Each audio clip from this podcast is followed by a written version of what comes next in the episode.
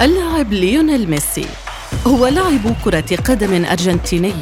يلعب في صفوف نادي باريس سان جيرمان في الدوري الفرنسي.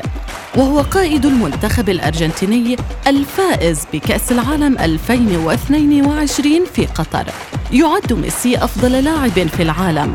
وينظر إليه الكثيرون على أنه أعظم اللاعبين في تاريخ كرة القدم. وقد فاز ميسي بسبع جوائز من الكرة الذهبية. وهو صاحب الرقم القياسي بستة أحذية ذهبية أوروبية.